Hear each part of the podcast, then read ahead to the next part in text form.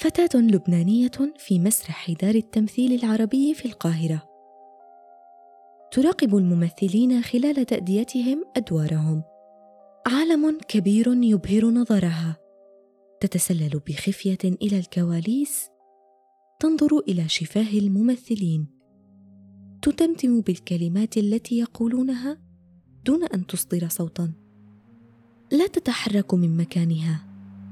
تخاف أن يلمحها أحد. هي غريبة عن المكان بل وهاربة أيضا. تتمنى في نفسها لو تقف مكان هؤلاء. وتحلم بارتداء الملابس المزخرفة التي يرتدونها عند تأدية أدوارهم. وفجأة يلمحها أحد الممثلين ويصرخ بها. تعالي إلى هنا.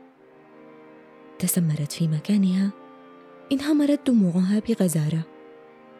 كانت خائفة مما قد يفعله بها هذا الرجل. بسبب تسللها إلى الكواليس. ما حكايتك يا فتاة؟ من أنت؟ وماذا تفعلين هنا؟ صرخ بها. أنا روز اليوسف.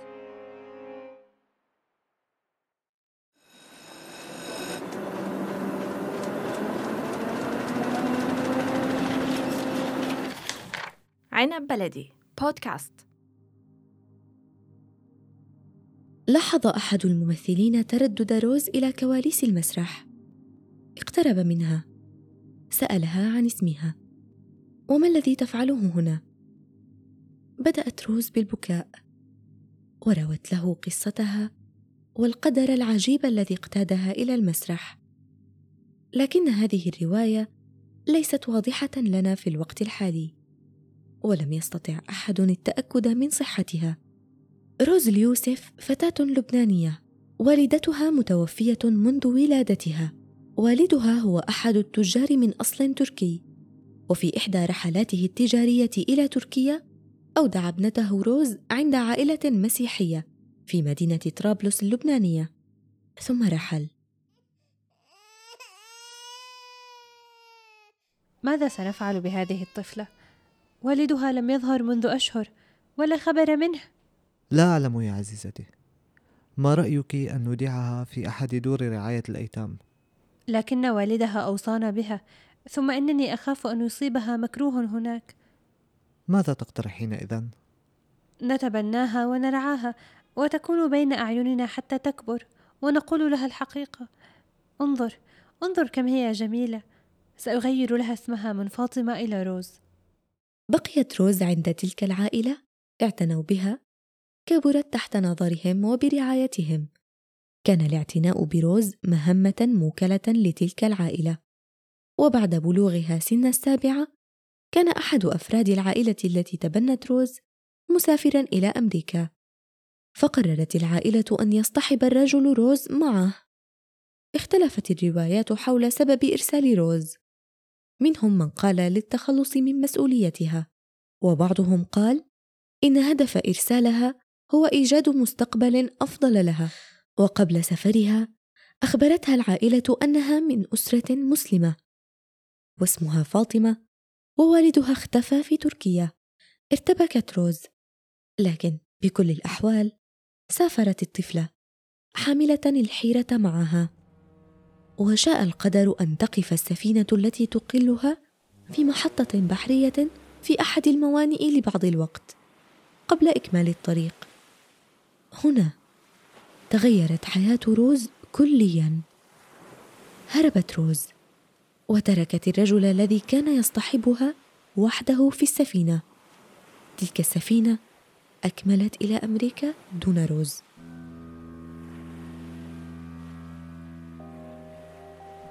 هربت الفتاة الصغيرة فارغة اليدين ونزلت تمشي في الشوارع تائهة لا تعرف من هي ولا المكان الذي وصلت إليه. تمشي في الشوارع تركب قطارا وتنزل من آخر حتى وصلت إلى مسرح دار التمثيل في القاهرة. بدأت تتعرف على الممثلين وتعجب بالفن. ومن بين الفنانين الذين تعرفت عليهم روز عزيز عيد الذي كان يراقبها ويراقب تفاعلها مع الممثلين والفنانين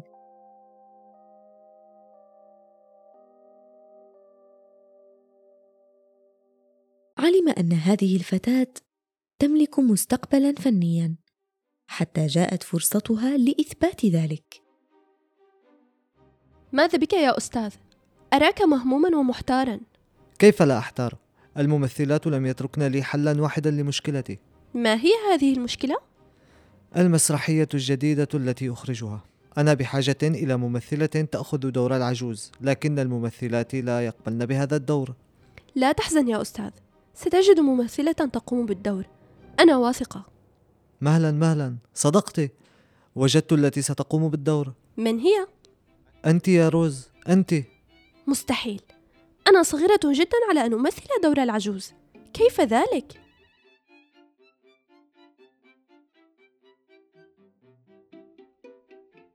لم يكن هذا القرار مفرحا للصغيرة. خافت وارتعبت وأصابها ألم في معدتها كاد أن يغمى عليها منه. لكنها تجاوزت مشاعر الخوف وبدأت تتدرب مع أستاذها. الذي فرغ نفسه لها اسبوعا كاملا. وحين جاء وقت صعودها إلى المسرح. بدأت ترجف. وارتبكت لكن ارتباكها هذا خدم الدور الذي تمثله. وهو دور سيدة عجوز. بدا صوتها خافت وجسدها يرتعش. هكذا تخطت روز أول تجربة فنية مبهرة كل الحاضرين. فتاة في الرابعه عشر من عمرها. تمثل دور عجوز وتصعد خشبة المسرح للمرة الأولى ثم تحقق نجاحا ملفتا. وبدأت نبوءة أستاذها تتحقق. إذ رأى أن روز ستكون أفضل ممثلة دراما في يوم ما. كان المسرح المصري في عشرينيات القرن الماضي في بداية إنشائه. فكانت بداية روز مع بداية هذا الفن وعملت مع العديد من المخرجين وكبار الممثلين بعد الدور الذي أكسبها الشهرة. عملت بأسلوبها المميز الذي علمها إياه أستاذها عزيز ومثلت معه عدة أدوار بطولية في الأفلام التي يخرجها نجحت نجاحا كبيرا.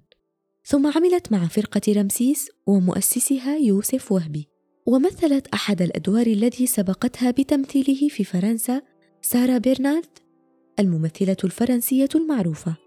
ما جعل الناس يطلقون عليها اسم سارة برنارد الشرق. استمرت روز بتطورها ونجوميتها حتى جاءت لحظة الخلاف. اتخذت القرار يا روز. لا يمكنك رفض الدور. لن أمثل هذا الدور. هذه المسرحية سلسلة من الفواجع. غريب أمرك. لا تسمعين الكلام ومعترضة دائما. لن أمثل دورا لا أقتنع به ولن آخذ دورا إلا دور البطولة. الدور الأول لأمينة رزق. انتهى النقاش يا روز. رفضت روز أحد الأدوار وبدأ الخلاف بينها وبين يوسف وهبي وكان أداء يوسف متميزا لكن يقال إنه كان ديكتاتورا في قراراته. خروج روز من فرقته جعله يشعر بالارتباك كما شعر برغبة بالانتقام. فأصدر مجلة رخصها باسم أخيه لتشويه اسم روز من خلالها لكن لم يصدر منها إلا عددين ثم أغلقت. عام 1925 اعتزلت روز التمثيل بعد هذه المواقف. وقالت مبررة اعتزالها أعلن اعتزالي المسرح آسفة. اعتزلت هربا من نفوذ رؤوس الأموال واستبداد مدير الفرق. ولن أنسى الأيام الجميلة التي عشتها مع الفرق المسرحية وبين الفنانين. لم ينتهي مشوار روز بل من هنا بدأ. بعدما مرت به وانطلاقا من قناعتها أن العاملين بالفن مظلومون قررت إنشاء مجلة للدفاع عنهم ضد التشويه الذي يتعرضون له من قبل الصحف والمجلات. وأطلقت عليها اسمها مجلة روز اليوسف. لتكون أول مجلة تهتم برفع الوعي الفني والثقافي. لكن تسمية المجلة باسمها أثار بعض الاستياء من النقاد وسرعان ما تراجعوا عن سخطهم واستهجانهم. وشارك في المجلة محمود العقاد والعديد من كبار الكتاب والصحفيين بعد أن كانوا يشككون بقدراتها في البداية. وأصبحت المجلة تجمع نخبة من رواد الثقافة. حتى اليوم مجلة روز اليوسف هي المجلة الوحيدة التي سميت باسم صاحبتها. وعندما اتهمت روز بتسمية المجلة باسمها طمعا بالشهرة. ردت ان المجلة ستكتسب شهرة من اسم روز وليس العكس. عام 1926 في ظل الحكم الإنجليزي لمصر قررت فاطمة توسيع عمل المجلة إلى المواضيع السياسية. في ظل الانتكاسات السياسية في مصر آنذاك وإغلاق الكثير من الصحف حتى أن أحد الأحزاب السياسية وهو حزب الوفد لجأ لإصدار الصحف باسم نساء حتى يتجنب رفض منحه الترخيص. انتمت روز لحزب الوفد وبدأت تناصره في بعض قضاياه السياسية حتى رفض منح مجلتها السياسية ترخيصا لأن الحكومة اعتقدت أن حزب الوفد أرسلها. ثم صودر من مجلتها لاحقا آلاف الأعداد. بسبب مواقفها السياسية. ثم ذهبت روز إلى رئيس الوزراء. طلبت ترخيصا فحصلت عليه مع استهزاء. كانت تقاوم الفساد وتنتقد الحكومة دوما. في عام 1926 فقط صودر 26 عددا من المجلة. ثم استعارت رخصة مجلة الرقيب كي تستمر بالكتابة. وبسبب صدق مواقفها كانت حالة مجلتها المادية غير جيدة. حتى قيل إنها لا تملك خزنة لوضع النقود وكانت تعطي الموظفين رواتبهم بيدها. كما كانت مجلتها بداية أي رسام كاريكاتيري سياسي. كان اقتحام ميدان الصحافة أمرا صعبا جديدا على الرجال فما بالك على النساء؟ وفي هذا الجو كان علي أن أمضي. أن أتحمل مسؤولية عمل يحمل اسمي أن أشن الحملات وأتعرض للهجوم المضاد أن أذهب لمقابلة رجال هم أمام الناس وزراء وكبراء لكنهم في الحقيقة ليسوا إلا رجالا لا يعرفون عن النساء إلا أنهن لهو ومتاع. كان علي أن أجتاز تجارب قاسية وأتعلم دروسا كثيرة. عندما وصل حزب الوفد إلى الحكم لم يحتمل وجود صحيفة معارضة له وتنتقده. ولم تشأ روز أن ترضخ له. فحصلت أزمة عنيفة بينها وبين الوفد حينها. قرر الحزب فصلها عام 1935 وسارت مظاهرات ضدها. ما جعل المجلة تخسر كثيرا. بعد أن تعرضت للحرق والتمزيق. كما أصدر الوفد قرارا بإلغاء الصحيفة بحجة أنها لا تصدر بانتظام. ثم أدخل روز السجن عام 1936 لكنها لم تتراجع. وحين خرجت من السجن أصدرت مجلة صباح الخير عام 1956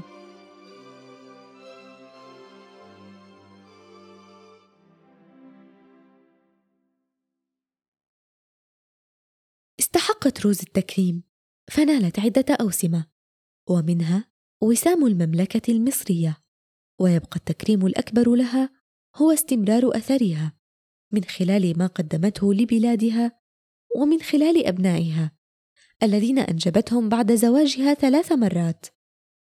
ومنهم ابنها إحسان عبد القدوس الذي رفضت تسليمه إدارة التحرير لأنه لا يملك الكفاءة بعد. ونصحته أن يتدرب ويتمرن. وعلى الرغم من كونه كاتبا كبيرا قال عنها إحسان مقولة رائعة. إن أمي هي من صنعت مني هذا الرجل. وفي عام 1958 فاجأت الجميع كعادتها. أصابتها نوبة قلبية. ورحلت. بعد العطاء السخي وبعد رحلة عظيمة من النضال على عدة أصعدة.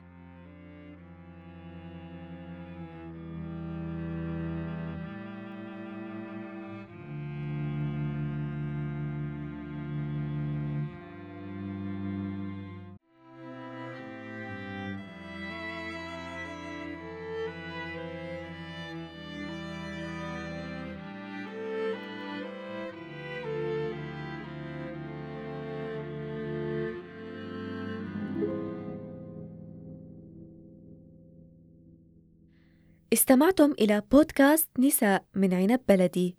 أعددت هذه الحلقة وقدمتها. أنا سكينة المهدي. نحن موجودون على أبل بودكاست، جوجل بودكاست وساوند كلاود